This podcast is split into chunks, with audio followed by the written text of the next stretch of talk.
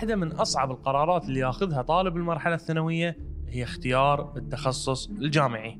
اللي في كثير من الأوقات يصير مصدر للتوتر والخوف لأنها خطوة مصيرية تحدد مستقبلهم.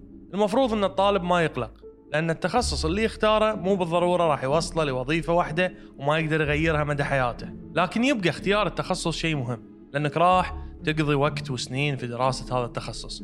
وخل أقول لكم طريقتي الشخصية بمساعدة أي شخص يبحث عن اختيار التخصص الجامعي. هي في البداية تعتمد على تحديد ثلاث أشياء الاهتمامات والشغف القدرات وفرص العمل المستقبلية. بعد ما تحط لستة في كل نقطة من الثلاثة تبتدي تشوف المشتركات بينهم.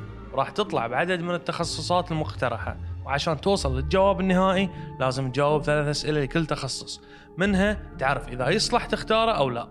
السؤال الأول هل في سوق عمل لهذا التخصص؟ بمعنى آخر هل سهل أنك تحصل على وظيفة بعد تخرجك من الجامعة بهذا المجال أو مجالات قريبة منه؟ وعشان تتجنب الإخفاقات وهي عدم توفر فرص عمل مناسبة دائما حاول تختار تخصصات عامة في دراسة البكالوريوس تفتح لك مجالات متعددة وتخلي التخصصات المحددة للماجستير والدكتوراه أو الشهادات الاحترافية السؤال الثاني هل التخصص له مستقبل؟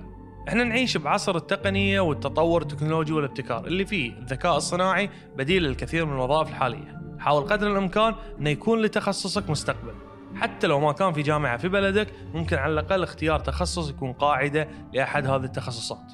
عشان تضمن بهالطريقة أنك تحصل في المستقبل على وظيفة ما يكون بديلك فيها روبوت. السؤال الثالث هل التخصص اللي اخترته مربح؟ خلينا نكون صريحين. حتى لو كنت تعتبر أن الفلوس شيء ثانوي إلا أنه يظل يلعب دور مهم في اختيار تخصصك. ولا ليش نبي نحصل وظيفة زينة بعد التخرج؟ مو عشان تعيش حياة كريمة وتكسب مال؟ فكر قبل ما تختار تخصصك إذا كان راح يساعدك أنك تحصل وظيفة راتبها جيد ويتوافق مع أهدافك وطموحاتك سواء كانت هذه الوظيفة في بلدك أو في الخارج. وفي النهاية أتمنى لكم حياة جامعية ومهنية كلها توفيق ونجاح.